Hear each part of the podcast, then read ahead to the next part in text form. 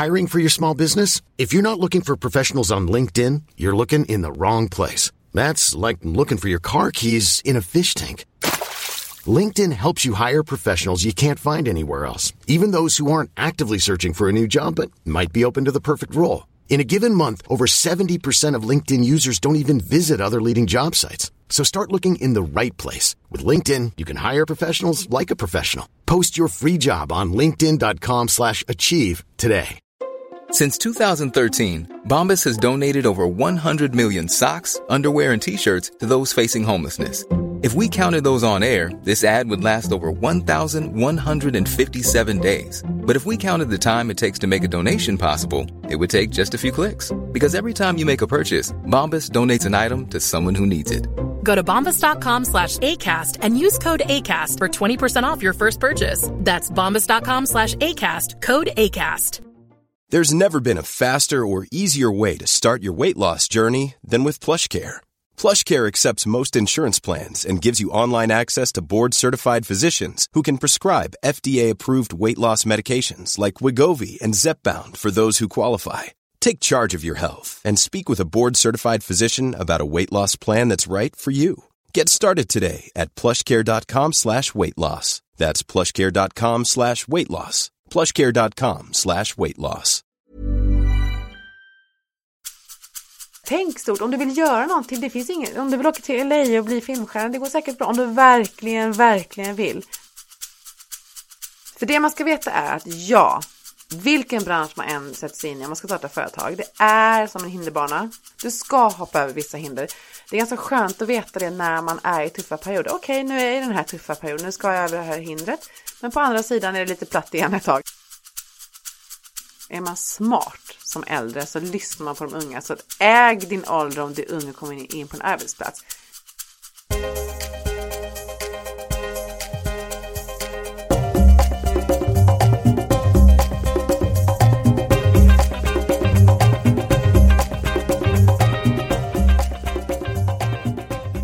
Hej och varmt välkomna till Karriärpodden och avsnitt 48. Den här gången är jag i Malmö och har äran att få träffa en av våra mest framstående digitala entreprenörer i Sverige, nämligen Alexandra Bylund.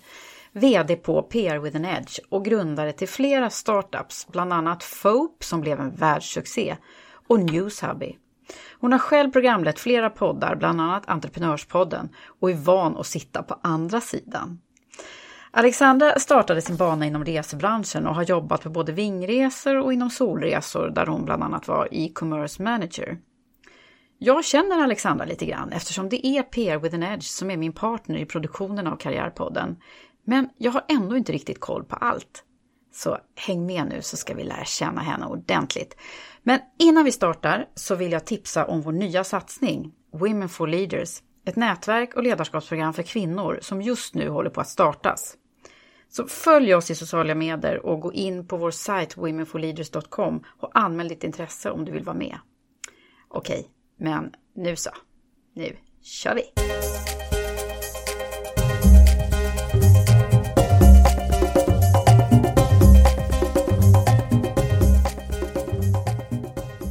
Hej Alexandra! Hej! Välkommen till Karriärpodden brukar jag säga, Ja. men det här känns ju helt sjukt konstigt. Det är jag som är hos dig. Du är nere i Malmö hos oss ja. Ja. Fantastiskt. Men tack ändå. Ja, jag känner mig välkommen. ja för det är faktiskt, det här är ett alldeles rykande här färskt avsnitt av Karriärpodden när vi ska få lära känna en av de mest framstående entreprenörerna, digitala entreprenörerna i Sverige. Tack. Är det för du? du säger det så jag litar på dig. Ja. Nej men det, så är det ju. Du och jag känner ju faktiskt varandra lite grann. Precis. Men vi har inte snackat på det här sättet som, som vi ska göra idag. Nej. För nu ska jag fråga dig allt eh, om hur, hur du har blivit så här framgångsrik. Vad, hur din karriär har sett ut. Och jag har ju sagt att du får fråga vad du vill. Ja, vad har du? Precis. Så det blir spännande. Det kommer bli så kul. Eh, nej men, och då är det ju så att, eh, för vi har ju känt varandra lite grann då i två års tid kan man säga. Sen jag drog igång Karriärpodden så har du eh, och PR with an Edge hjälpt mig lite grann med att publicera och fixa med podden. Och du är ju en van poddare som sagt var. Ja. På andra sidan. På andra Så sidan. nu ska jag bara sitta och koppla av och låta dig styra allting. Ja. Och det ska jag göra. Och då är det så att jag tänker till att börja med, hur blir man liksom entreprenör? Är det någonting som man bestämmer sig för eller? Ja, nej. Eh, jag är så imponerad av ungdomar tycker jag idag som liksom har, gör så medvetna val. Men det gjorde inte jag. Däremot så har jag nog varit entreprenör i hela mitt liv. För när jag tänker tillbaka så har jag liksom, när jag var liten så kommer jag ihåg att vi gjorde sådana här trätärningar i, ja, men i träslöjden. Och vi tog med dem därifrån, jag och min kompis, och gick runt och sålde. För typ så här tre kronor styck. Och sen hittade vi lite tändare på vår vind, reklamtändare på vinden. Och så bodde jag precis vid ett polishus. Vi gick dit, för jag hade hört att man får inte lov att sälja saker bara sådär som helst. Utan man måste ju ha tillstånd. Så vi gick dit och knackade på och liksom, ah, men vi ska söka tillstånd. Och så satt vi i kö och så kom vi in. Ja, vi vill sälja de här. Och han bara, eh, sälj på. Var har ni hittat dem? Ja, på vinden. Ja, det är okej. Okej, så det bor en liten säljare i dig då. Och så hade du också gjort de här prylarna då? Ja, det, vissa tärningarna hade gjort. Vi gjorde också tidningar. Då fanns det ju inte datorer på det sättet utan vi skrev för hand, gjorde tidningar och det tog ju tid. Vi fick gå till mammas jobb och kopiera. Så vi kom på att vi skulle sälja annonser. Och vet du, vi sålde annonser för 100 kronor styck och vi hade en upplaga på kanske 10 tidningar. Det var ju bra. Ja, men hur gammal var du då? 1900 Ja, men det typ, jag gick väl kanske trean, fyran. Så sålde vi annonser eh, till butiker i kvarteren då. Så att vi, eh, nej men jag har alltid hittat på grejer. Jag har alltid hittat på saker och alltid försökt göra, oh det här vill jag göra och så försöker jag dra igång någonting. Men alltid vid sidan av mina heltidsjobb. Ja. Men vad då, så att om man hade, om man hade gissat sådär vad, vad du skulle bli när du blev stor, vad, Ja. vad trodde man om dig då? Eh, då trodde mamma sa ett tag att jag skulle bli advokat för att jag var suverän på att eh, argumentera för min sak och vända svart till vitt. Det kan ju vara bra som entreprenör. Det kan då. vara bra. Men eh, jag tror ändå att eh, det, det, jag tror inte att det förvånar någon som såg mig som liten för jag var, jag var väldigt påhittig. Jag, så, jag hittade alltid mina egna vägar till saker och vill jag göra någonting så, så gör jag det på ett eller annat sätt. Jag, tar, jag ser det hos min son och det stör mig väldigt mycket ibland. Han tar inte ett nej för ett nej om han verkligen vill. Så om han ska göra, vi säger någonting, han har någon, något spel. Hur gör jag det här? Men jag vet inte, jag har ingen aning säger jag. Han ger sig inte. Han ska ha ett svar och han tar reda på det på ett eller annat sätt. Han... Så envishet är en typ, där hittar vi en utmärkande egenskap hos dig. nu. Ja, precis. Envishet om man verkligen vill. Sen kan jag släppa saker om jag inte är så jätteintresserad. Men har man ett jätteintresse för det så tror jag att eh, så funkar jag i alla fall. Då, är jag, då, då, då kör jag. Men hur var du med då när du var, nu börjar vi i barndomen på en Ja. gång här. Vad, vad, liksom, vad var det som, eh, hur var du? Ja, jag var ju ganska snällt barn tror jag faktiskt. Jag var ganska duktig flicka har jag alltid varit. Eh, vilket är, det är ju jobbigt. Det är faktiskt jättejobbigt. Därför att det är mycket prestation hela tiden. Och Har du det i dig fortfarande? ja, det har jag. Men jag jobbar med att inte... Jag jobbar emot det så att säga. Och jag tror att det var, jag vet inte, jag tror det var vanligare då att man fick beröm för prestationer. Mm. Ja men vad duktig, och det gör jag även idag till mina barn fast jag är så medveten. För jag glömmer ju bort. Ja men vad duktig du är, ja men vad bra, nej men oj vad duktigt. Och jag försöker verkligen, hur gör man liksom? Vi säger att de kommer hem och har bra på ett prov. Jag måste ju kunna säga att de har gjort ett bra jobb. Jag kan ju inte bara säga, jaha, det spelar ingen roll. Så någonstans så, så berömmer man ju den här duktigheten. Och på mig har det blivit att jag, jag har typ en så här duktig flicka, ganska mycket prestationsångest. Jag känner ju att jag har Men jobbat. det är ju också en drivkraft. Så Ja, så det är ju både och. Både och ja. Jag känner att jag har jobbat när jag har gjort många saker som syns. Mm. Så om jag har haft möten hela dagen så- känner jag, "Ha, nu ska jag gå hem Men och blir du jobba. nöjd då? då? Liksom. När det syns ja. Ja. Ja, men jag har då lite svårare du- att bli nöjd när, in, när jag bara har haft möten en hel dag. För då känner jag, jag har inte gjort någonting. Nu måste jag gå hem och jobba. Mm. Och liksom räkna eh, siffror eller eh, sortera pappershögar eller något sånt där. Åstadkomma något liksom. åstadkomma något. Och det är, det är lite tråkigt. Men ehm, så så var jag nog som liten, lite så duktig flicka. Jag tror att jag vill inbilla mig, jag tror att jag var ett ganska fogligt barn faktiskt. Som, eh, för jag har det fortfarande med mig att jag känner av stämningar överallt. Alltså om någon, om det är dålig stämning i ett rum så mår jag jättedåligt. Jag tar det gärna på mig då. Så jag tror att jag är lite så här, eh, vill gärna väga upp hela tiden så att det blir bra i rummet. Så att alla har det bra. Mm, Okej, är du lite sån sensitive, high, vad heter det nu? Ja, Highly high- sensitive eh, Ja, person. HSP. HSP, just det. Ja. Det är Absolut. Du är har, det? ja, det är jättejobbigt. Men också bra i många lägen. Mm. Men ibland är det jobbigt för att känna av direkt när någon inte har en bra dag, eller om det är minsta lilla grej. Eh, Det är så dumt att jag tar det på mina axlar ju. Det kanske inte ens har med mig att göra. Nej, precis. Det är, det är jobbigt att liksom bära hela världen på, Exakt. på dina axlar. Så att, eh, så det, så det gjorde jag säkert då när jag var liten. Jag tror att jag var ganska, men jag kommer ihåg att jag fick, jag hade temperament också. Det hade jag också. Mm. Det har jag fortfarande men, men inte något överdrivet så. Eh, ja men jag var på, jag har nog alltid varit Hur är, du, eh, hur, hur är du uppvuxen då? Var någonstans? Jag är uppvuxen först i Stockholm. Mm, just det, för det är ju inte den här utpräglade skånska dialekten. Nej, nej jag är inte hemma någonstans faktiskt. För här säger de att jag är stockholmare och i Stockholm så säger de att jag är en skåning. Ah. Eh, och, så jag bodde i Stockholm tills jag var sex år. Till 79, då var jag sex år. Eh, flyttade ner hit till Malmö med mamma som hade fått ett jobb här. Så då pendlade jag ganska mycket fram och tillbaka för pappa bodde kvar i Stockholm. Och då hade de skilt sig. Eh, så då är jag uppväxt mitt inne i stan i Malmö kan man säga. David Halls torg. En riktig. Stads, Malmö eh, stads- en riktig. Malmö stads, mitt inne i, eh, ja där runt David Halls torg. Härlig, jag, i alla fall när jag är där idag, jag får sån här, åh, det här är min barndom, alla de här kvarteren. Jag kan varenda liten gatusten där i. Mm. Men du, har du syskon? Ja, jag har en storebror som är tre år äldre och en lilla syster som är fem år yngre. Hon bor på Gotland. Och hon är min raka motsats fast vi är så lika i sätt. Men hon älskar hästar, hon tycker Visby är för stort. Så, hon, så de bor och rör liksom för, för stor stad att bo i. Så de bor en halv mil utanför på en gård. Hon själv kallar det för villa eh, kvarter. Men det, det finns liksom fem hus och det, tomten är ju så här 3 4 tusen kvadratmeter stora och det, det är kor bredvid. Så det är liksom en gård. Och det var lilla syster. Det är lillasyster, hon är fem år yngre.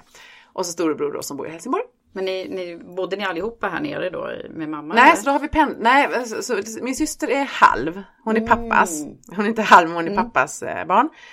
Och Niklas och jag har eh, kört Stockholm-Malmö mycket då. Okej, så ni har varit lite... Vad, vad har det här betytt för dig då, tror du? Eh, separationsångest. Okej. Fruktansvärd separationsångest. Alltså jag hatar... Eh...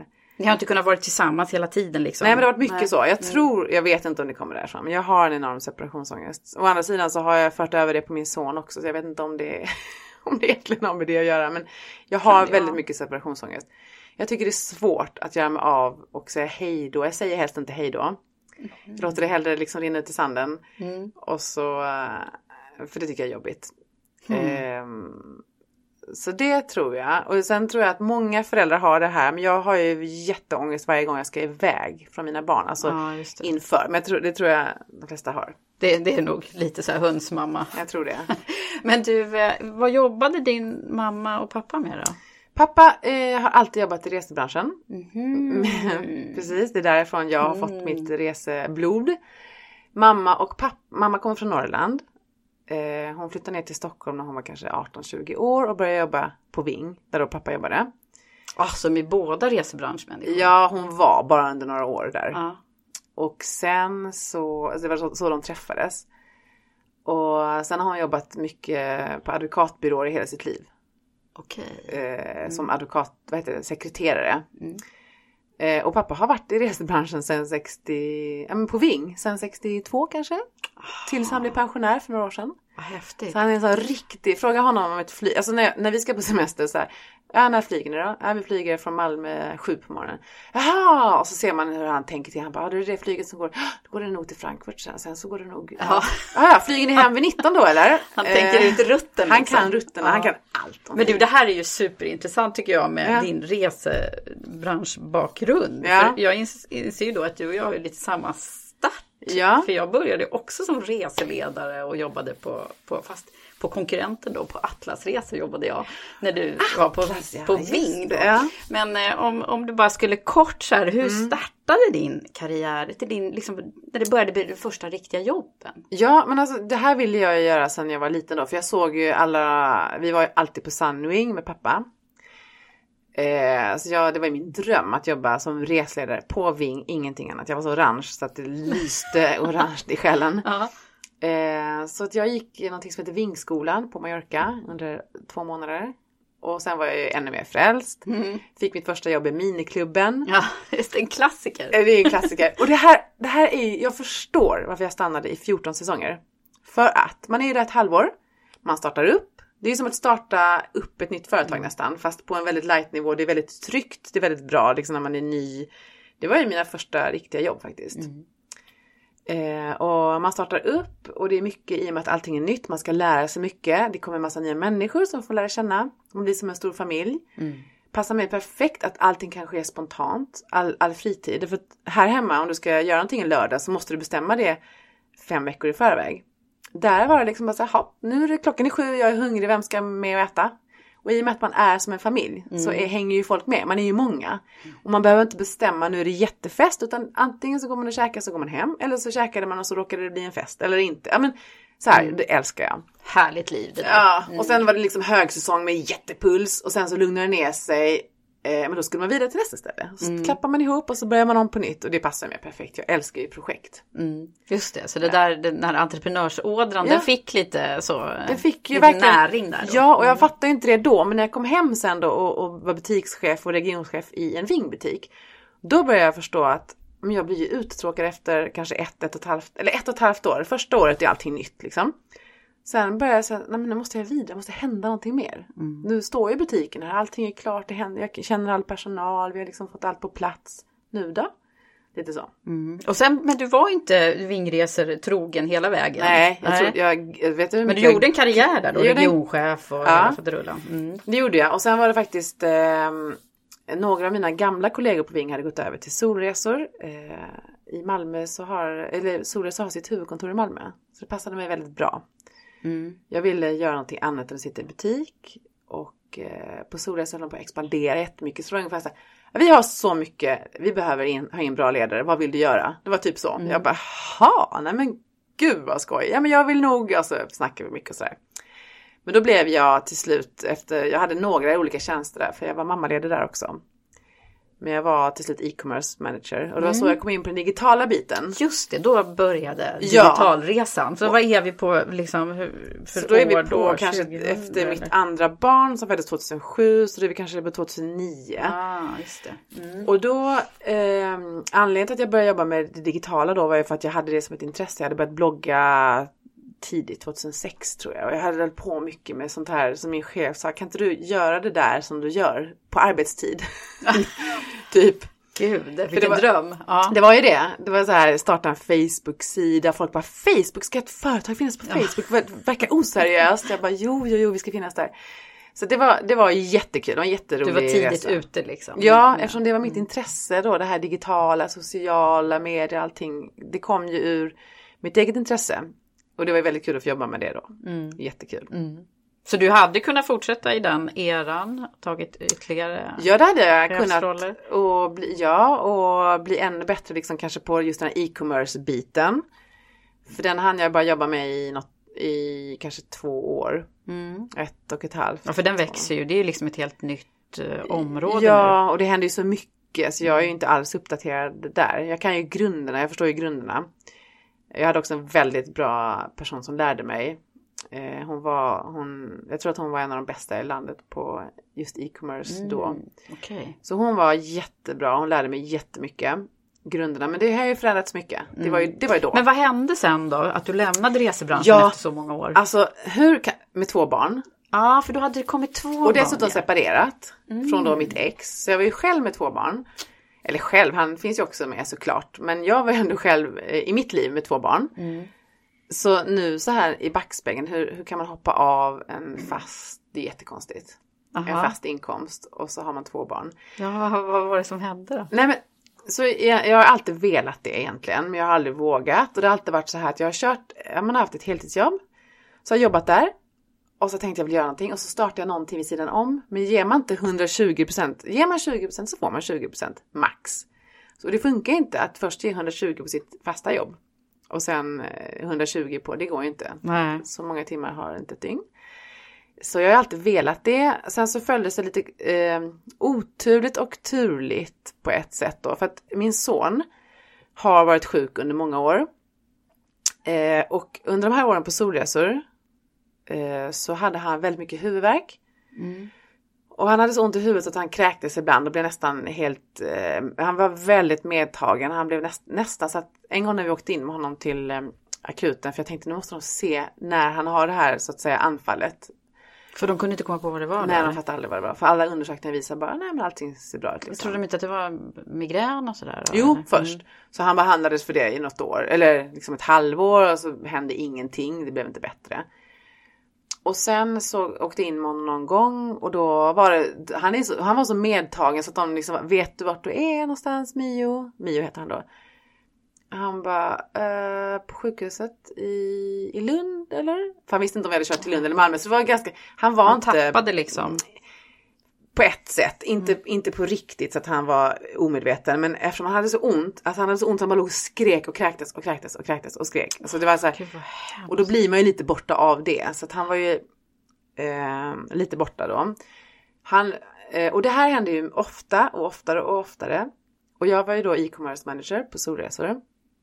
Varje morgon när jag kom dit så tänkte jag nu, nu, nu är det bättre. Så lämnade jag Mio till skolan. Och så såg jag på telefonen, skolan på ön hette, jag hade döpt eh, numret, sjukanmälansnumret till då skolan på ön. Så såg jag skolan på ön, jag minns det. Och jag bara, åh nej, kanske vid halv tio senast, då ringde de. Nej, Mio är dålig, han får gå hem. Så varje dag så påbörjade vi dagen. Och i och med att jag var ledare, vi var några stycken i det teamet. Så stod det så mycket och vänt, all, det väntade på mig liksom. Det var Ah, grejer som väntade, vi kanske skulle ha något möte. Så bara, nej jag är ledsen, jag måste gå. Ja. Vi får ta det imorgon. Vill- Varje dag var det samma sak och jag såg ju besvikelsen hos mina kollegor. Även om de inte, de... Så det blev liksom press från två håll? Väldigt mycket press från två håll. Och det var inte så att de pressade mig. Det var ju jag själv som kände bara mig så, åh, nu ska jag gå igen och lämna dem i sticket liksom. Eh, tills jag till slut sa, till slut blev jag bara så när de ringde, jag bara nej men alltså nu, då hade han varit bra i tre, fyra dagar kanske. Det hade inte hänt då så jag bara yes nu. Eh, och då så gick jag in till min chef och började gråta. Jag bara nej jag är ledsen nu, nu, jag, nu går jag hem och jag kommer inte tillbaka imorgon. Nu, jag, nu får vi utgå från att jag är borta ett tag och så får det bli bra om jag kommer hit. För det här funkar ju inte. Nej. Och då, för då Gud vilken oro liksom. ja det var det. Mm. Innan man vet också vad det är. Innan man vet vad det är och så plus den här ångesten över att man hela tiden gör folk besvikna. På jobbet också. Så det blev så här dubbelt. Så det var ganska skönt att ta ett beslut.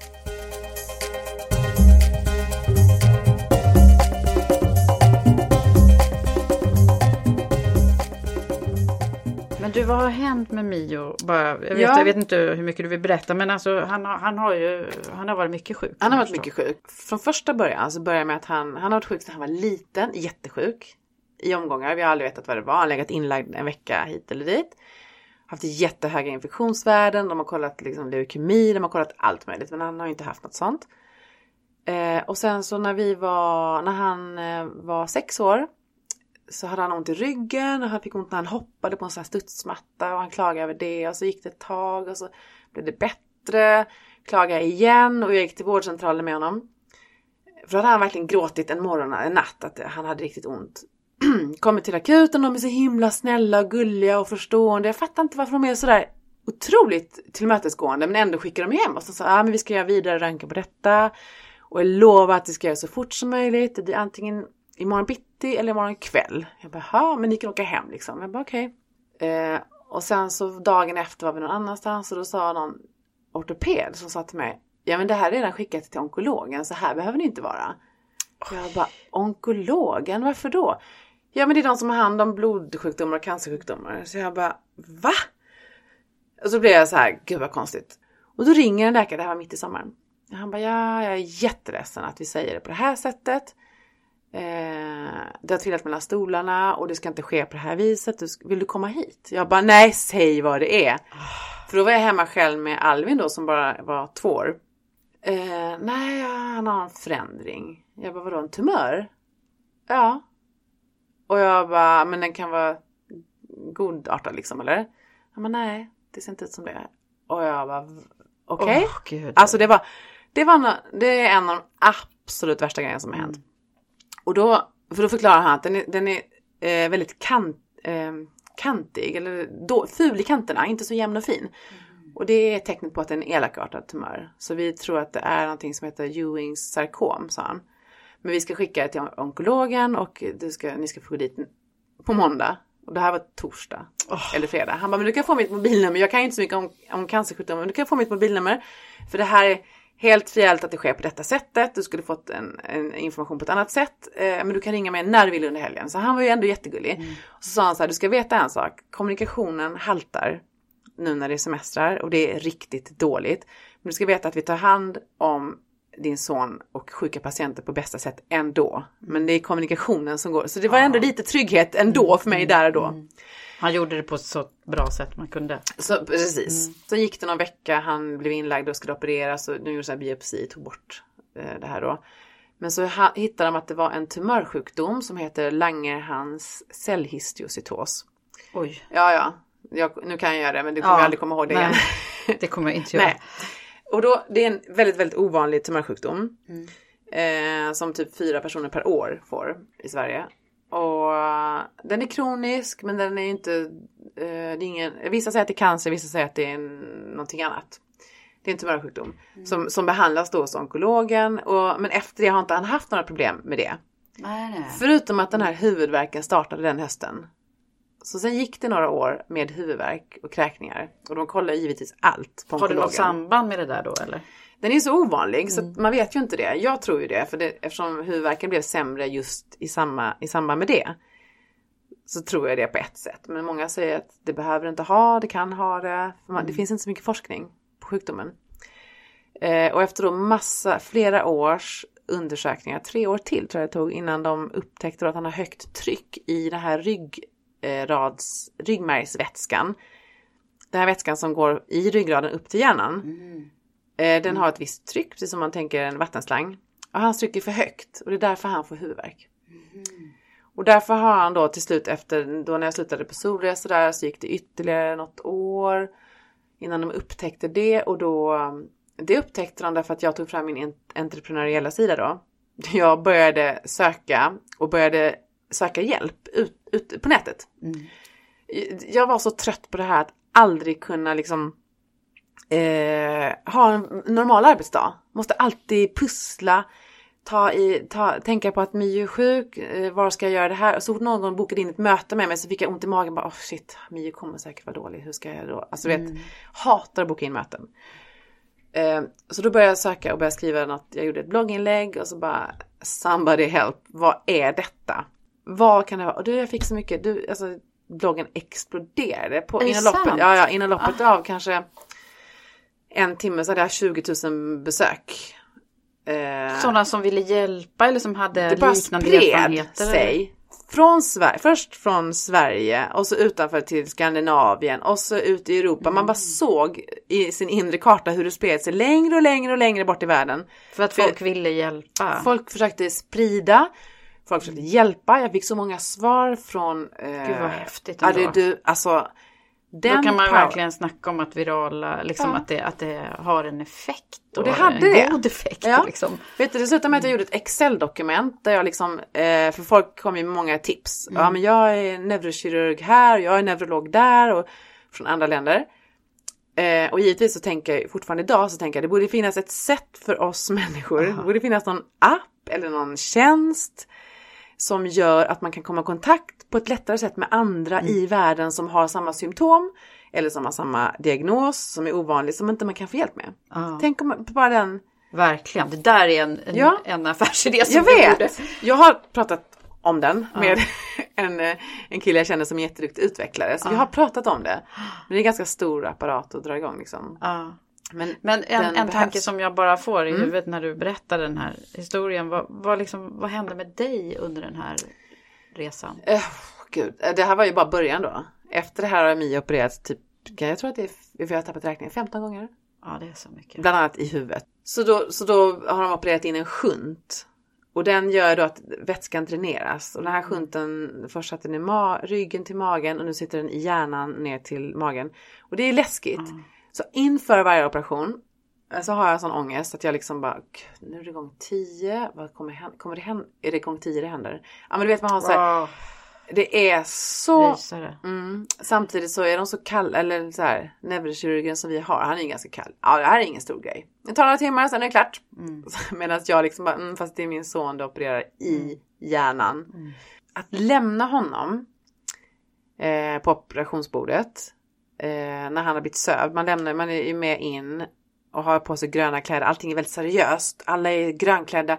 Det är så himla seriöst. Att lämna honom där Eh, och så vet jag inte om det tar en och en halv timme eller om det tar fyra och en halv timme för det har skett båda grejerna. Så att från en och en halv timme så väntar jag ju i ett tomt rum för att han, hans säng är bortrullad. Så jag har ingenstans, jag står i ett tomt rum och väntar och den, det är sån fruktansvärd ångest. Och det är kanske just därför också som jag faktiskt hittar på mycket grejer. Inte just då i den sekunden Nej. där för då är jag eh, handlingsförlamad. Men alltså eh, i livet. Att jag ändå drar igång projekt. För jag tycker det är kul. Jag tycker det är spännande. Jag tycker det är kul att ha saker att göra. Och kan, kanske Kanske att du behöver Kanske ha den behöver det. kontrasten Mm. också då.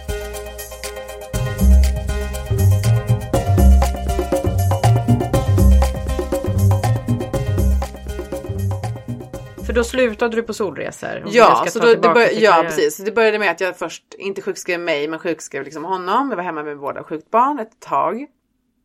Samtidigt som jag höll på med eh, en affärsidé på sidan om som jag hade gjort lite grann under hösten. Sen eh, började jag jobba mer och mer med det och det var då FOP som är mitt första riktiga företag som jag startat. Mm. Och det vart ju en väldigt stor succé. Ja. En världssuccé har jag ja, förstått. Det var det. det var Berätta, vad är det för någonting? FOP, alltså det var en fantastisk resa på må- både ups and downs. Det började med att jag och min medgrundare, vi träffades genom att jag var på solresor. Eh, han hade ett annat företag som vi samarbetade. Eh, och vi pratade mycket om affärsidéer. Vi pratade mycket om, eh, vi hade liksom lite grann samma entreprenöriella ådra. Så vi pratade mycket, och det var mycket, det var väldigt inne med appar då. Oh, man kan göra en app som är si, man kan göra en app som är så. Och så, och så lite, lite grann det här, vi trodde ju inte det, men det var ju lite mer det här att, ah, ja men, man gör en app som är bra så blir man miljonär. Typ så. Att göra en app eh, kan man göra. Då gör man en app och så lanserar man den, sen händer inget mer. Eller så startar man ett företag. Och det var det vi gjorde. Eh, som först från början utgick från en app. Vi fick världens bästa affärsidé tyckte vi. Vi såg en båtolycka på, eh, här i Malmö. Det var ingen olycka men det var, det var en båt som hade gått på grund några meter utanför land. Och de fick inte in folket. Så det var massa helikoptrar, det var brandkårer, det var ambulanser, det var polisbilar. De fick inte in folket och båten sjönk. Och folk stod ju med sina mobilkameror och filmade och fotade och hade sig. Och så kanske efter en halvtimme så kom det en eh, kille med stor kamera. Så vi bara ha ha ha nu kommer han liksom. När, vi har, när det finns så mycket bilder redan. Tagna under hela händelseförloppet. Under alla möjliga vinklar och videos dessutom. Vi bara det är de bilderna som ska till en redaktion. De som alla De har- människor, som folket har Ja, tagit. det. Under så, nu kommer han långt senare. Så vi bara den appen ska vi göra. Så vi gick hem och Alltså, började det var så googla. det föddes, liksom. Det var så det föddes. Vi började googla och bara "Ah, det här är fantastiskt. Vi bara vi har världens bästa affärsidé. Vi kommer bli miljonärer på det här. Sen gick det några dagar och det här är ett tips som jag alltid brukar ge till folk. Sov på saken när du har tänkt så här. Jag har världens bästa affärsidé. Därför att eh, det, det låter bra i början. Men sen när man då har eh, tänkt efter ett tag så kan man inse att det kanske inte var så bra ändå. Nej, precis. Då kom vi på att hur ofta sker det någonting i livet som är av nyhetskaraktär? Det är inte jätteofta. Så man kommer ladda ner appen och tycka wow, jag kommer tjäna pengar. Och sen så kommer man glömma bort det för man kommer inte se den här. Alltså jag, jag tror att det är en gång i livet jag har sett en grej jag skulle kunna filma och det var den. Och sen, men så kom jag på, ah just det, vi satt ju på solresor och köpte massa bilder. Jag var e-commerce manager och på den tiden så gjorde vi mycket bandannonsering och vi hade svårt att få tag i bra bilder. Ah, man är ju så trött på en del Ja, av men jag är de så trött på de här liksom, amerikanska smile och det är så här väldigt korrekta bilder på iStock och de här sajterna. Så, så vi kom på att det är kommersiella bilder vi ska sälja ju. Folk tar ju så mycket bra bilder. Mobilkamerorna bara blir bättre och bättre och bättre för varje månad som går. Så alla de här kommersiella bilderna de ska vi eh, se till att folk, folk ska kunna tjäna pengar på sina mobilbilder. bilder. Det var grundidén. Mm. Så en fotoapp kan man säga då? Ja. eller? Vi, så vi var först i världen då med att eh, låta folk tjäna pengar på sina mobilbilder genom en app. Var det inte så att det blev så här sjukt mycket nedladdningar på en gång? Jo, jo, jo. vi hade Vi började, vi, eh, vi hade 50 000 kronor till att starta ett aktiebolag. Ja, De 50 det 000, är det man behöver. Det är det man behöver. Och Ja. de 50 000 använder vi också till att anställa en person. Eh, ja men du förstår ju. Alltså, vi bara ja men då kan, då kan vi betala honom två månadslöner och sociala avgifter. För han fick också lite andelar, han var vår första utvecklare. Och sen så skulle vi ta in en till investering visste vi på ungefär 200 och sen nästa var planerat på en miljon. Så vi tänkte att ja, men det, här, det här kommer att gå vägen. Och det gjorde ju det. Vi anställde honom, vi anställde sen en apputvecklare, vi tog in vår första miljon. Och då bestämde jag i kombination med att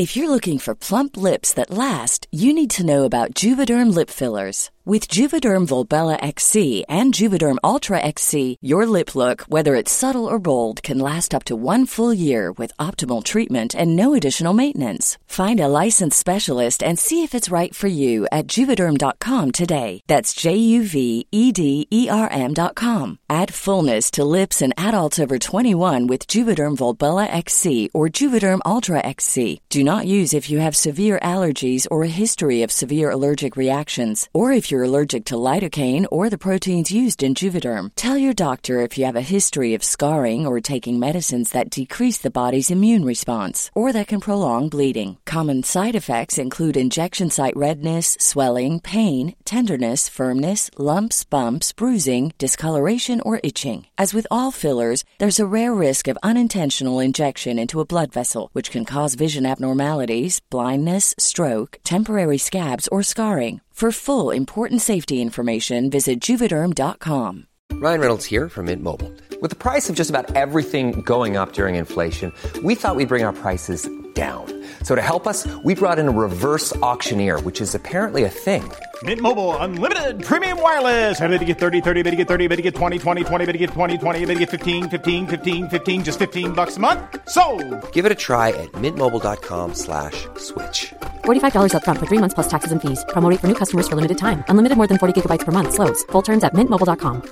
You should celebrate yourself every day, but some days you should celebrate with jewelry. Whether you want to commemorate an unforgettable moment or just bring some added sparkle to your collection, Blue Nile can offer you expert guidance and a wide assortment of jewelry of the highest quality at the best price. Go to BlueNile.com today and experience the ease and convenience of shopping Blue Nile, the original online jeweler since 1999. That's BlueNile.com. BlueNile.com. Many of us have those stubborn pounds that seem impossible to lose, no matter how good we eat or how hard we work out. My solution is PlushCare. PlushCare is a leading telehealth provider with doctors who are there for you day and night to partner with you in your weight loss journey. They can prescribe FDA-approved weight loss medications like Wagovi and Zepbound for those who qualify. Plus, they accept most insurance plans. To get started, visit plushcare.com slash weight loss. That's plushcare.com slash weight loss. Ever catch yourself eating the same flavorless dinner three days in a row? Dreaming of something better? Well, HelloFresh is your guilt-free dream come true, baby. It's me, Kiki Palmer. Let's wake up those taste buds with hot, juicy pecan-crusted chicken or garlic butter shrimp scampi. Mm. Hello Fresh. Stop dreaming of all the delicious possibilities and dig in at HelloFresh.com. Let's get this dinner party started.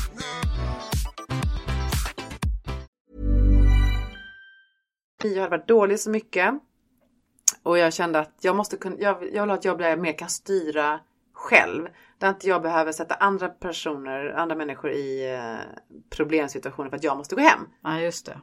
Den jag- friheten var säkert väldigt bra för dig Den då. friheten var väldigt bra. Så jag eh, satt, eh, bestämde mig då för att hoppa av solresor och satsa på mitt eget företag. Det jag glömde då, det var att om man bygger upp ett företag och plötsligt blir ett team så är man inte fri längre. Det är ju samma sak egentligen. Man, är fortfarande, man har fortfarande möten med folk. Folk är fortfarande beroende av att man ska komma i tid till grejer och sådär. Men vi startade det då. Men du behövde inte rapportera till någon chef Nej, i alla fall. det behövde jag Nej. inte. Nej. Eh, men vi startade det och det var en fantastisk resa. Det, det började med att vi var fyra personer. Och medan de byggde då de här två utvecklarna så höll jag och min medgrundare på att eh, samla ihop eh, listor i hela världen. Vi var så här, vi, vi, eh, vi tänkte vi ska nå ut, när vi, när vi når ut med det här, när vi lanserar så ska det bli som en explosion i hela världen. Alla ska veta att vi finns. Och man är lite naiv så första gången. Ja. Vilket var bra. Men det kanske är en framgångsfaktor också. Det är en framgångsfaktor för man ska inte vara så krass och så. Alltså, det är ganska bra att vara naiv för då kör Mm. man på. Man tänker inte så här varför ska väl de, varför ska de liksom. Nej. Utan man bara kör och tänker att ja, ja, hela världen står och väntar på oss. Alla kommer bara wow den dagen när vi som, lanserar som så jag och min nya kompanjon, vi tänker också tänk stort. Ja. Vi, när vi håller på med Women for Leaders som vi Du, gör. man ska göra det därför att det är så många gånger på vägen som man får smällar och, och höra och, ska och få höra liksom att nej, men det är inte säkert att det blir så. Mm. Det är bättre att tänka stort. Vi tänkte jättestort. Vi var så här, lilla Sverige är bara en testmarknad. Så när vi lanserade det här i Sverige så var vi så här, ah, ja men det här, det här kör vi som test. Vi visste att vi hade massa buggar i appen och så. Men vi lanserade här, vi fick kanske 5000 nedladdningar första dygnet och det var ju jättebra. Eh, för vara här. Sen när vi gjorde det då tre, fyra veckor senare i USA så hade vi 50 000, alltså gånger 10 då, nedladdningar på första dygnet. Det var så sjukt mycket. Ja, ja, det var helt galet. Vi fick, vi var, vi var först på TechCrunch som då är stort i den världen, i techvärlden. Vi var i Mashable som var ännu större. Vi var eh, i New York Times och vi var, ja men det är helt sjukt. De kom hit till, till det här där vi sitter nu idag. Den här byggnaden eh, från, från England, en stylist och en fotograf för The Fast Company. För att de skulle fota oss. Jag bara, men vi har fotografer i Malmö. Nej, vi skickar våra egna. Så de kom en hel lördag, Ja, men skulle fota oss, tog en bild liksom. Eller vi Ja. använde en av de bilderna. Vi var med i Wired, vi var med överallt. Och när min medgrundare ringde mig, jag stod på ICA Maxi med barnen och handlade liksom så här fredagsmiddag typ. så ringde han, han bara du, nu är vi på CNN. Jag bara va? Alltså det var så sjuk känsla. Jag tog upp min mobil Gud, bara, får "Kolla!" rysningar. Ja men det var, alltså det var så sjukt. Det var då det liksom riktigt Det var då det riktigt exploderade. Eh, och efter CNN så liksom, det räcker med att en, då kommer ju liksom folk här hemma, bara måste skriva om er. Alltså du vet, alla drog oss överallt. Det var så himla coolt. Och det var, det var en jättehäftig resa. Vi tog in ganska många miljoner i kapital. Vi hade några affärsänglar eh, och vi hade mm, till slut Industrifonden som också gick in. Och mm, det var, en, det var en jätterolig resa. Vi var väl kanske 14-15 stycken. Och våra första kunder som vi fick in var Google, Mastercard. Alltså det var så häftigt. Tänkte du här nu då? Tänkte du så här, nu ska jag flytta till USA eller hade du liksom, hann du med och, och Ja, måla vi- upp planer? Både jag och min medgrundare, vi hade så här, vi kommer aldrig, det var vårt grundmål, vi kommer aldrig sälja det här bolaget för minst 30, 40, 50 miljoner.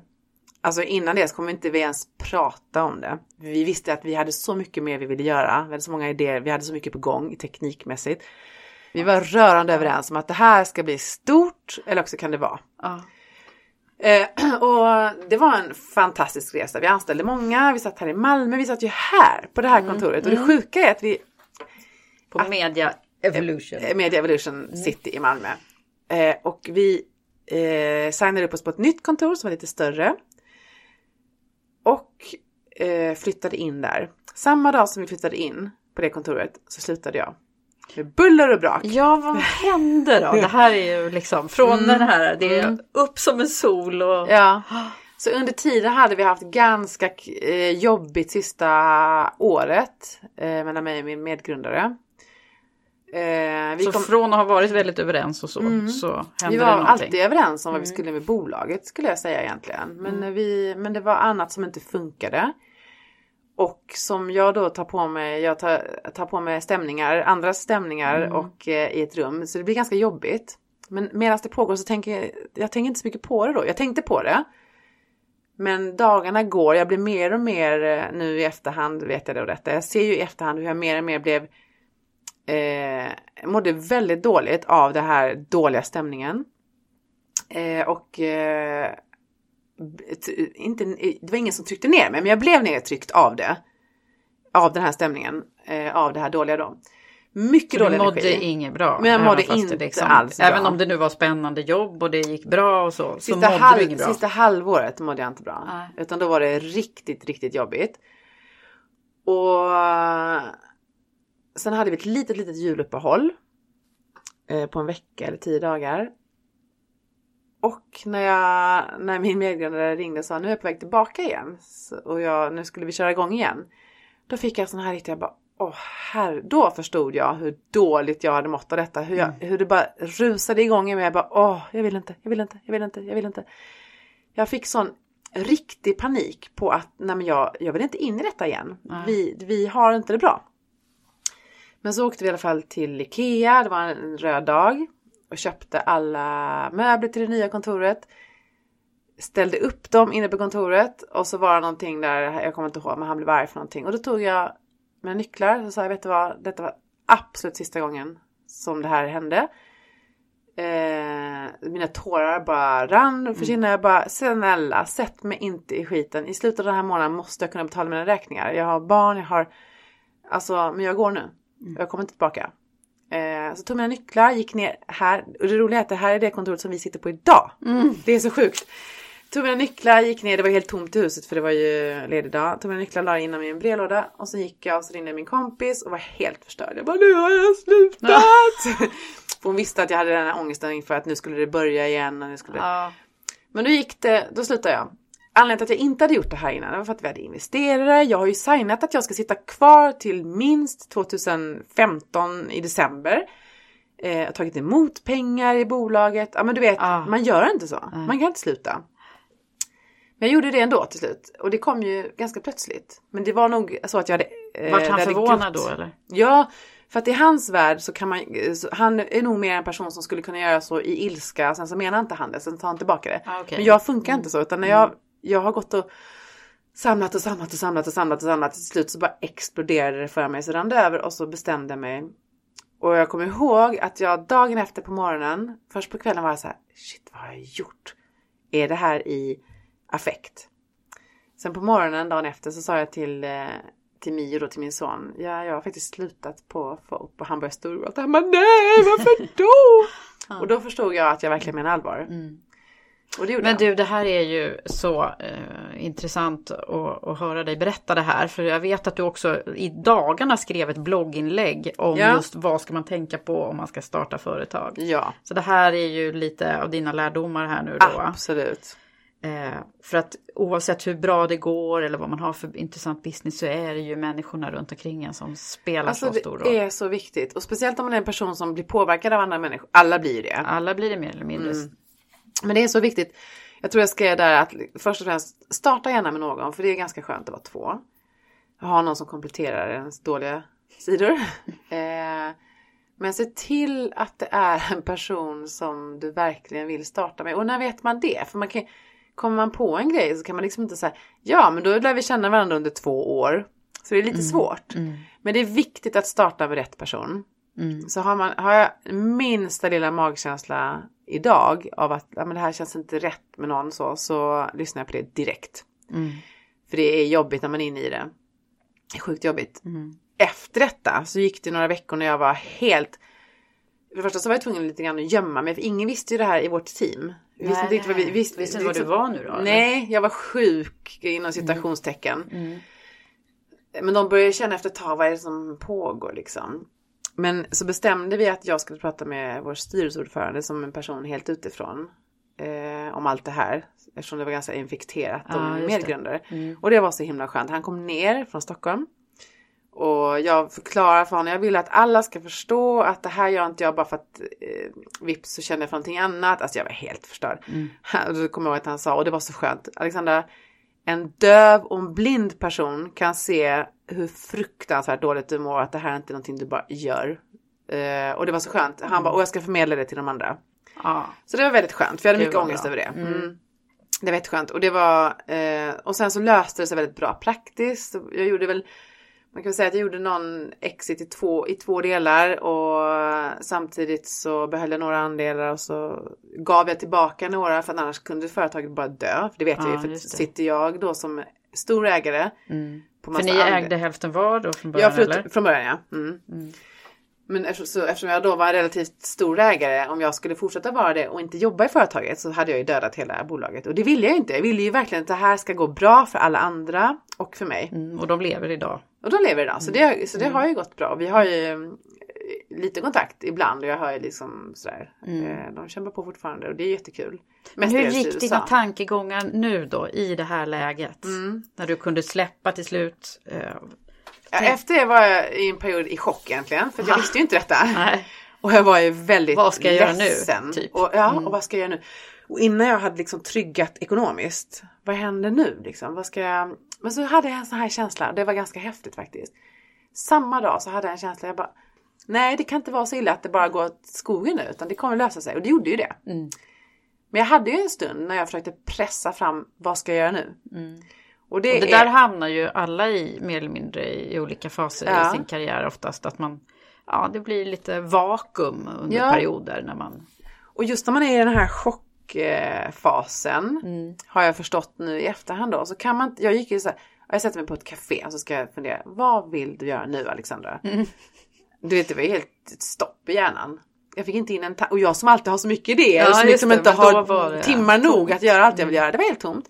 Men så kom jag på sen, jag förstod sen, det var någon som sa till mig att man kan inte i den här då, för mig, krissituationen, kan man inte tro att man ska komma på något nytt utan vila nu i det först, låt det landa.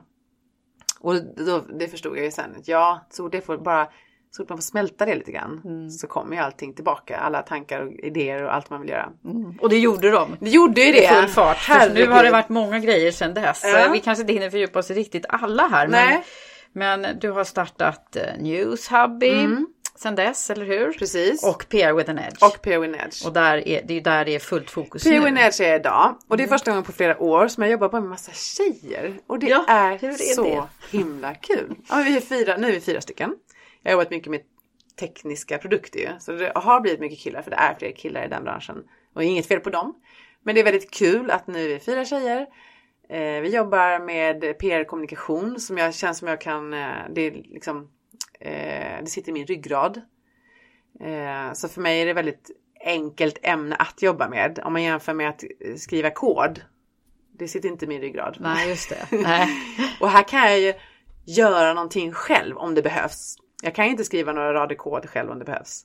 Även om jag har ganska stor förståelse för tekniken. Så det är ganska häftigt för nu är, känner jag liksom att det här är verkligen mitt område. Jag kan det utan och innan. Jag har en väldigt stark åsikt om vad som är bra kommunikation, vad som är dåligt. Alltså, det är jättekul. Ja. Och så sitter Och så har du fått nu. ihop det lite grann nu då, Ja. låter det som. Mm. Och sitter nu då av en slump på samma kontor som det Ja, men hur kontoret en dag det lämnade. Att, att vara tillbaka i, i den kontors- Det glöm, jag har inte tänkt ens att det är samma. Jag älskar det här huset för det här är så sjukt bra energi. Mm.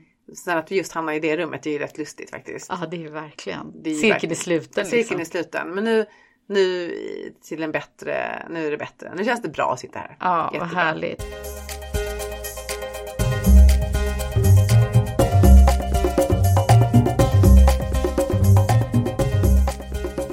Du, men sen är det ju mycket som händer kring dig hela tiden. Jag vet inte hur många grejer jag har faktiskt inför den här, det här samtalet så försökte jag liksom greppa. Vad har hon gjort Ja, egentligen? Och Det är vad- svårt va? Ja, Mm. apropå sociala medier-spridningen Ja. och den virala spridningen så är, det finns lite överallt liksom. Det är rätt många poddar som du har Mm. startat och, och fortfarande är det ju några som är igång. Mm. Vilka är det som är igång fortfarande? Nu kör vi, eh, nu kör jag, eh, nu kör jag bara Alex Alex. Jag var tvungen att tänka igenom. Ja, men Som också är- på insidan också. Och så på insidan som vi kör företaget, ja precis. Just det. Exakt. På insidan Alex Alex. Ja. Ja, just det. För Entreprenörspodden, den, den eh, hö- höll Det du igång ett tag. Ja, och det var ju jätteroligt. Det var ju när vi startade våra bolag, jag och Sofia, en entreprenörskollega. Men eh, vad är det som, nu har vi förstått lite grann när du har haft dina ups and downs. Ja, exakt. Eh, men om du bara sådär skulle pinpointa, vad är det som har eh, varit absolut roligast liksom under dina, eller när är det som Roligt, roligast för dig? roligt tycker jag är när man lyckas nå ut. När man lyckas hitta den här nyckeln till, det är den här spänningen i. Det kan vara, låt oss säga, det kan vara ett, ett blogginlägg säger vi. Eller det kan vara en podcast som ska spridas, eller ett pressmeddelande. Men att lyckas förstå, det handlar inte om att, eh, hur många som kommer läsa det här. Det handlar om att lyckas förstå hur andra människor tänker. Och när de tänker och vilket, vilket mode är de flesta i just nu. Nu är klockan fem säger vi. De flesta är på väg hem från jobbet. Nej men det är inget bra att skriva om sådana saker då. Alltså det har det är så mycket att göra. Och ibland är det de grejer som man minst anar som får störst spridning. Men jag tycker att eh, det är en av de roligaste grejerna jag vet när, när, eh, när vi lyckas, jag eller vi beroende på vad det handlar om då, lyckas eh, förstå folks, eh, hur folk fungerar. Både- det handlar om psykologi. Ja det gör det ju faktiskt. Det handlar- Du kanske har liksom väldigt mycket nytta av din, den här... eh, Jag har så mycket nytta av den här känslan för Mm. ja, det har jag. Jag har så mycket nytta av det för jag, jag förstår hur en journalist tänker. Det är ju han eller hon som ska bli eh, kungen eller drottningen här. Det är inte jag. Jag är ju ingenting i den personens ögon för den vet inte vem jag är som kanske skickar, vi säger ett pressmeddelande. Jag måste ju tänka mig in i att den personen som tar emot det här vill ju göra ett jättebra jobb. Vill skriva en jättebra artikel. Så att den personen vill ju se någonting som kan höja, alltså ja, Mm. jag försöker se det ur den här, och det Och det är ju rätt mycket i andra, tänker jag också, i försäljning i och allt, allting. i allt. Och det är så häftigt. Så att, därför kör vi en gång i månaden för att jag tycker det är så intressant. Eh, vi diskuterar beteenden. Vi diskuterar beteenden. Vi, eh, vi har workshops en hel dag. Då kan vi ta och titta på hur folk beter sig i en kö till exempel. Hur folk beter sig när de kommer fram. Beteenden. För att eh, nej men allting har med psykologi att göra. Visst är det så? Ja. ja nej, jag håller med dig. Jag Mm. är ju väldigt road av det också som sagt Ja. Men du, om man skulle titta på dig som ledare då? Ja. För du har ju verkligen, du började ju som chef där på Sol, Mm. eller på Vingresa Eller på Ving, ja. Eh, Mm. Och sen har du ju då det här med att, att jobba ihop. Nu är ni ett team eh, Ja. nu. Hur ser man på dig som ledare? Ja, det ska du fråga dem. Jag Mm. hoppas att de säger eh, att jag är... Jag har väldigt mycket respekt för, för dem som människor, inte bara som arbetande personer. Jag har eh, mycket respekt för dem och för deras tid. Jobbar ni så här jätteflexibelt hela tiden? Så här, när, när kunderna vill prata ja, med er vi då försöker kan man prata? inte göra det. Eh, det är sällan vi pratar med varandra på helgerna. Eh, oftast är det under vardagar, men alla är flexibla. Men jag skulle aldrig utnyttja det på det sättet att eh, tvinga, eller bara ringa hur som helst en lördag eller söndag. Eller så här. Det är bara om det skulle vara väldigt viktigt. Men jag tror faktiskt alla har gjort det. Utan vi har, så jag ger ganska mycket ansvar. jag tycker det är jätteviktigt. Och jag, ger, eh, jag har lärt mig det mer och mer med åren. Att eh, jag försöker ge så mycket ansvar som möjligt som det bara går. Och hoppas på att du tar emot bollen när jag kastar den. Och gör du inte det utan bara tar ett steg bak. Då kanske jag blir pyttelite besviken. Men nu fick du ju chansen. Men så försöker jag ändå vägleda och hjälpa då. Men jag ger ganska mycket ansvar och hoppas på att, eh, eh, att man tar emot det. Och de flesta gör ju det och tycker det är kul för man lyfts ju av det. När Annie, min första anställda, började så var jag så här, okej vi ska skriva ett pressmeddelande till den här kunden. Så här, så här bygger man upp ett pressmeddelande. Man har en rubrik och sen har man, ja, och så skrev jag lite snabbt på tavlan. Så sa jag, skriv det nu och sen så lämnar du det till mig sen. Det får vara hur dåligt som helst. Bara skriv ner så vi får in faktan. Det som vi ska säga. Du får skriva det hur dåligt som helst. Du kommer göra fel. Det kommer se dåligt ut. Jag kommer göra massa ändringar. Men det gör ingenting. Skriv det bara. Och hon bara, "Jaha, vad är ett pressmeddelande? det var typ så det började. Men hon, hon var ju typen som kunde ta detta. Hon bara kör det. Och hon är ju jätteduktig.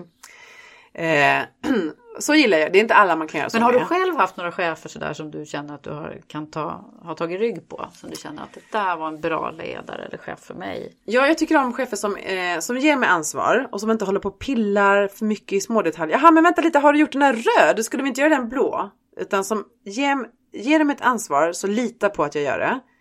Så jag, jag har haft eh, några stycken som har verkligen gett mig ansvar och litat på att jag slutför det.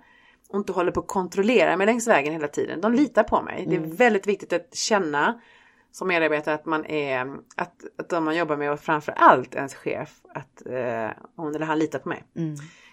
Och nu Eh, jobbar du nästan bara med tjejer. Ja, det är första gången. Ja. Det är ju rätt häftigt. Eh, då kan man ju tycka att det kan ju bli lite svårt kanske. Men vi har Ja, haft det, det finns bra. ju många teser kring det där. Ja. Är det bara, blir det, det hönsgård är det en del som säger. Ja. Och, ja, vad, Alltså, vad, vi- vad ska säga du? Vi är, för det första är vi så vansinnigt effektiva. Eh, och vi har roligt. Och vi tycker om varandra. Vi är ödmjuka mot varandra, ödmjuk inställning till varandra och vi respekterar varandra och vi, ja, vi har väldigt kul. Vi umgås ju inte massa utanför jobbet men vi har väldigt kul på jobbet så att vi är så olika åldrar också. Men har det, har det bara blivit tjejer eller är Ja, det det, har bara medvetet? blivit. Nej, Mm. det har bara blivit. Kan nästa anställd bli en kille? Absolut. Så det, det har inte varit någon, men vi kom på det för ett tag sedan att vilken girl power detta är. Alltså, Ja. det är och jag då som har jobbat mycket med killar de senaste åren, för mig är det ganska ovanligt att sitta Ja, och prata hormoner och mens och grejer Ja. på arbetstid. Men allting är tillåtet nu. Allting är tillåtet Ja, vad härligt. Ja, vad härligt. Du, eh, sen så vet jag ju att du har utvecklat eh, en, en annan sida under de senaste åren här när du har blivit PT också. Ja, just det. Gud ja. Det, Och, det driv, och bloggar och så om Ja. det också. Ja, det, det var en Hur kompis kommer det sig då? Hur hinner du med undrar jag Ja exakt, Mm. exakt. Det var en kompis med mig som sa, jag träffade honom nu för ett tag sedan och det var ganska länge sedan vi såg. Så han bara, det är så roligt med dig för när du liksom, du blir intresserad av en sak så kan inte du vara, vara intresserad av det. Utan du ska liksom, nej men då går du utbildad och blir det. så typ, då blir du PT. Eh, jag utbildade mig till PT i höstas. Och jobbar med det lite grann Och jobbar också. med det en dag i veckan nu. Mm. Och det är en av de absolut bästa grejer jag har gjort. För att även om inte, alltså jag skulle rekommendera vem som helst som är intresserad av kost, hälsa, träning, eh, kroppen, välmående, balans, av allt. Eh, Är det här något som du har haft eh, sedan tidigare också det här intresset eller har det Ja. blommat upp ännu mer? Alltså jag har haft intresse av eh, kost och hälsa och träning. Men nu kände jag att jag ville utbilda mig till detta för jag ville ha kunskapen. Så det var inte riktigt det här att jag vill, eh, vill in i det yrket. Utan först var det så här, jag vill så gärna veta och kunna vad. Det är så mycket rykten om, om kost och hälsa och träning. Ja men gör si så blir du starkare, gör så så går du ner i vikt och gör du si så kommer du, ja men precis som att det är något magiskt. Så jag kände, jag vill veta, jag vill veta på riktigt vad är eh, rätt och vad är fel och vad är på riktigt liksom. Jag är otroligt trött på det här för första all in-tänket som jag själv lite grann är, en all in människa. Eh, och allas väldigt skeva kropps, eh, alla, alla föreställningar om hur man ska se ut. Nej. Nej. Det är så himla bra att du gör det där tycker jag. För jag Ja. läser de där. Jag tycker det var jättebra grejer. Ja, vad bra. Du, sen så tänker jag nu att vi har kommit lite till de här när du ska lämna lite råd och sånt där till, Mm. och tips till, eller dina liksom utifrån dina erfarenheter. Och jag skulle önska, om jag får önska, Ja, så skulle jag önska att du eh, tar lite grann kring det här utifrån ett entreprenörsperspektiv. Mm. Ja. Så att det blir, eh, om man nu är en sån här som, som lite grann som du är och som jag också är, som, Mm. en sån som vill starta, som har idéer och som vill starta Mm. eget och sådär. Vad, vad, vad är de här bra grejerna som man ska tänka på? Först och främst, det lärde jag mig eh, i mitt första företag. För jag var så här när vi startade FOP, åh men gud, bildrättigheter, oj. För direkt när man ska starta företag så hör man, oj ska ni anställa, herregud det är livsfarligt, massa sociala avgifter och massa ansvar och massa... Och jag fick så mycket goda råd som, som jag blir rädd för. Och bildrättigheter, herregud det kommer aldrig gå. Men min medgrundare var jag bara så här, va? Jag bara, du, du är bildrättigheter, han hörde inte ens. Och det lärde han mig, att bara ignorera alla de här grejerna. Det är Alla de här bra. hindren menar du? Eller? Som folk kommer med och du själv också har Ja. i dig. För det man ska veta är att ja, vilken bransch man än sätter sig in i om man ska starta företag, det är som en hinderbana. Det kommer vara det. Eh, det, det, det ska vara hinder du ska hoppa över och kommer det inget hinder då, då är det inte ett företag. Så att säga. Då kommer du inte komma någonstans heller. Du ska hoppa över vissa hinder. Det är ganska skönt att veta det när man är i tuffa perioder. Okej, nu är jag i den här tuffa perioden, nu ska jag över det här hindret.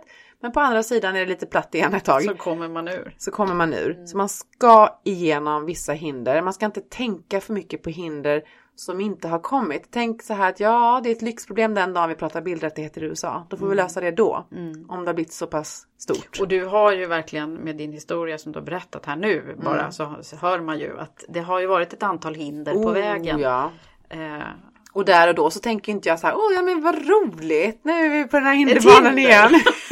det tänker jag inte. Men jag har i bakhuvudet att ja, det här är baksidan av det.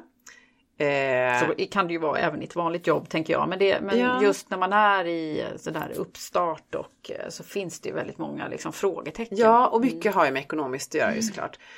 Så, men sen är det också så här som, som det är väl någon som har sagt det här på något an, med några andra ord. Men eh, om du, om du skulle vara omåttligt rik. Vad skulle du göra då? Ja men jag skulle sitta och sticka. Ja men då är det det du ska göra kanske. Då är det det du ska göra. Du kanske ska livnära dig på att sticka. Man ska verkligen se till att göra saker man vill göra. För ska man bygga upp business så tar det några år om du har tur innan det börjar gå bra. Det tar ju flera år, det tar oftast längre tid än vad man tror och då är det bra om det är saker du verkligen gillar att göra.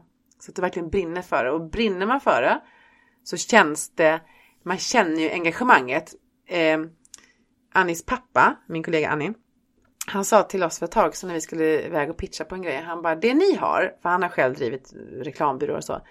Det som ni har som är eran grej, det är er energi. Man känner er energi, det är det ni har, er glöd för detta, er energi, ert engagemang och er vilja. Och det ska man gärna ha. För någonting man ska jobba med. För har man det så lyser det igenom. Mm. Det är samma när man söker ett jobb. Har jag massa engagemang och energi så har jag mycket lättare att få, jag kanske inte har alla kunskaper. Men jag kanske ändå når ända fram tack mm. vare att jag har mycket energi. Energi. Ett jättebra nyckelord, ja. verkligen. Ja, mm. så då är det bra om man har någonting som man verkligen brinner för. Om det nu är att sticka, ja men gör det då. Ja. Gör någonting som är kul. Inte någonting du tänker så här, det här ska jag bli rik på. Jag tror det är bättre att göra någonting man tycker mm. är roligt. Det kommer säkert flera tips, men jag tänker på att vi ska faktiskt eh, sticka in med den här skicka vidare-frågan. Ja. det var ju så att jag träffade ju Monica Lingegård som är vd mm. på Samhall här förra, eh, förra avsnittet. Och då fick hon ställa en fråga. Mm. Och den är lite, lite åt det här hållet med tips. Eh, ja.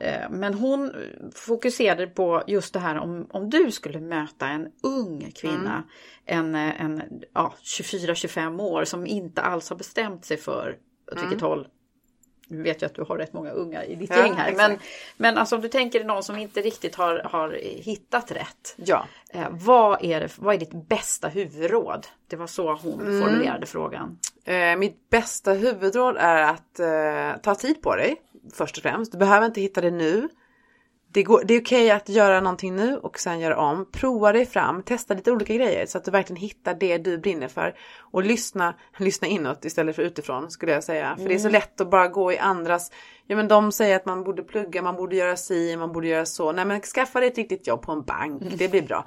Nej, gör sånt som du tycker är roligt att göra. Ju yngre du är, desto färre räkningar har du förmodligen att betala varje månad. Mm. Så då har man ju chans att testa på. Och tänk stort. Skulle jag säga. Tänk stort. Om du vill göra någonting. Det finns ingen. Om du vill åka till LA och bli filmstjärna. Det går säkert bra. Om du verkligen, verkligen vill. Mm, just det, vara dedikerad så, också. Ja, vill du verkligen någonting så kan du göra det. Gör, du, världen är så fri att göra precis vad du vill. Och jag skulle säga till alla unga människor när man kommer in på en arbetsplats. Äg din ålder. För att vara ung. Det är så mycket bättre än att vara gammal. Alltså, mm. Men det Säger det? ja. Säger jag? Nej, nej, nej, gud nej. Det är bättre att vara liksom lite över 40 sådär. Ja. Nej, men att vara ung. Jag menar så här, man, eh, jag kan ju fråga min son som är 12 ibland. Eh, har du sett den här eh, nya appen? Han bara, ja, ja, gud den använder alla. Jag bara, okej, okay, då är det en trendig grej som kommer, kommer att slå och bli stor. Alltså att lyssna på dem. Att lyssna. Mm. Så att, att vara ung, att vara i 20-25 års åldern. Är man smart som äldre så lyssnar man på de unga. Så att äg din ålder om du är ung och kommer in på en arbetsplats. För att dina, det här som min mamma sa till mig. Nej, jag har så mycket mer livserfarenhet än vad du har så jag vet bäst. Det sa hon till mig när jag var liten. Det, det funkar inte. Det funkar, det funkar inte så. Nej. Jag är 22 så jag har så mycket bättre koll på det här än vad du har. Så mm. äg din ålder när du är Bra, mm. äg din ålder. Mm. Och sen om du nu också ska få, du vet ju inte vad som kommer härnäst. Nej, just det. Vem, vem, vad är det för fråga som du skulle vilja, som du är nyfiken på? Vet du vad jag vill veta? Jag vill veta på riktigt. Hur tar du dig igenom en riktigt tuff motgång? Mm. Hur gör man praktiskt? Mm. Man kan inte bara sopa under mattan för det dyker upp senare i sådana fall i någon form av jobbigt, mm. jobbigheter. Utan hur tar man sig igenom på ett bra sätt en riktigt tuff motgång? Just det. Och du beskrev ju lite grann där din din motgång där när det var... Ja, när du var men jag har fortfarande inget bra så här hur man bör göra. Nej. Det vet jag inte. Hur gör man det? Mm. Det undrar jag faktiskt. Bra fråga. Mm. Den tar vi med oss till mm. nästa gäst. Bra. Du, ska vi se om det är något mer som vi har missat här. Att, jag, jag är ju lite sådär, jag försöker ju ringa in nu här hur, hur du har liksom, vad är det som har gjort dig så himla framgångsrik? För du fick ju till och mm. med också pris här. Eh, som, eh... Just det, förra året eh, fick jag, jag tror det hette Årets digitala Digital. entreprenör mm. här i eh, Malmö delades det ut. Ah. Jag vet inte varför. Jag gissar att eh, jag var väldigt tidig i startup-världen. Eh, jag var tidigt ute med det. Nu har det blivit väldigt trendigt. Eller så, det är många som vill investera i startupbolag, det är många som vill starta startupbolag. När, jag start, när vi startade så var det ingen som visste vad det var. Vadå startup? Alltså det är väl ett, ett nytt företag eller? Alltså så Mm. så att eh, jag gissar att det är för att jag var tidig där. Jag har varit eh, med bland många grejer. Jag är med på många, jag är med i, det, i den världen fortfarande här i stan främst. Och Ja, du, du, du är väldigt starkt förankrad här nere. Ja. Men du har ju varit med på sådana här innovationsgrejer i, i Stockholm också. Ja, så både i, i, precis, egentligen både i Malmö och Stockholm men såklart mer där jag bor. Så vad ska du göra med all den här kunskapen? Jag vet då? inte, jag måste göra någonting ju. Jag vet inte vad. Jag känner ju, jag brinner ju mycket för det fortfarande. Så jag, jag tipsar ju gärna och pratar gärna med folk. Jag skriver ju ibland blogginlägg som du såg häromdagen. För jag vill dela med mig av min kunskap nu när jag inte är känslomässigt inblandad. Vad säger du om att det är inte så himla många tjejer som är i, den branschen, i startup-världen? Eller börjar det bli bättre? Det kanske börjar bli lite bättre men nej det är alldeles för få. Det är för få tjejer som får kapital. Det är typ så här 3% som tar in investering. Det är så tråkigt. Och det är sån missmatch i beteenden igen. Vi är så här, nej men jag tror eventuellt att jag kanske har en bra produkt som kanske du skulle pff, kanske vilja investera i. Alltså vi, vi är lite mer så, överdriver jag. Medan eh, män är mer, eh, det låter mer självklart. De är, de är nog generellt lite mer eh, eh, duktiga på att skryta om sin eh, produkt. Det känns som att vi är lite mer ursäktande och det blir en, det blir en konstig eh, ja, men det blir missmatch där. Det, det är svårare att ta in kapital. Jag förstår inte varför det ska vara svårt för vi är så grymma entreprenörer. Ja, verkligen. Fatta när man har fått barn, vad många bollar man kan ha i luften samtidigt. Hur effektiv man är och hållbar. Bra Alexandra och du är en grym entreprenör, verkligen. Tack ska du ha. Tack så jättemycket för att jag har fått ha dig med i Karriärpodden. Tack ska du ha. Tack. Hej hej. Hej.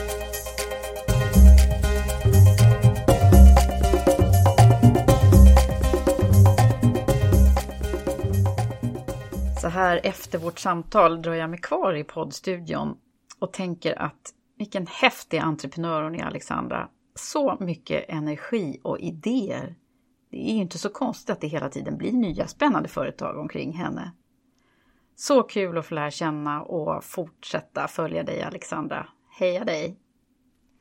Vill du läsa mer om Alexandra och ta del av hennes tips både vad gäller entreprenörskap och träning så hittar du den på hennes blogg alexandrabylund.com. Och gillar du Karriärpodden så får du väldigt gärna gå in och skriva en kort recension på iTunes. Det hjälper oss jättemycket. Ha det nu så bra så hörs vi snart igen. Hej hej!